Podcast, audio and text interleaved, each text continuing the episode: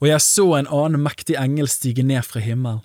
Han var kledd i en sky, og regnbuen var over hodet hans. Hans ansikt var som sol, og føttene hadde som ildsøyler. I hånden hadde han en liten, åpnet bok. Han satte den høyre foten på havet og den venstre på jorden, og han ropte med veldig røst, som når en løve brøler. Da han hadde ropt ut, talte de sju tordene med sine røster.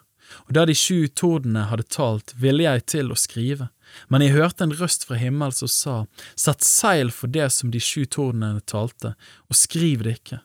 Og engelen som jeg så, som sto på havet og på jorden, løftet sin høyre hånd mot himmelen, og han sverget ved ham som lever i all evighet. Han som skapte himmel og det som er i den, og jorden og det som er på jorden, og havet og det som er i det, nå er tiden omme. Men i de dager når den sjuende engels røst blir hørt, når han skal blåse i basun, da skal også Guds mysterium bli fullbyrdet, slik som han forsynte for sine tjenere, profetene.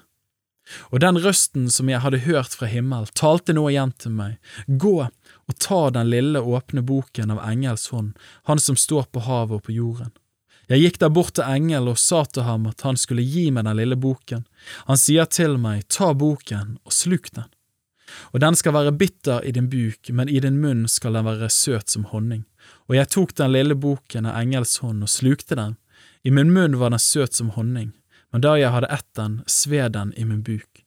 Og det ble sagt til meg, igjen skal du profetere om mange folk og nasjoner og tungemål og konger.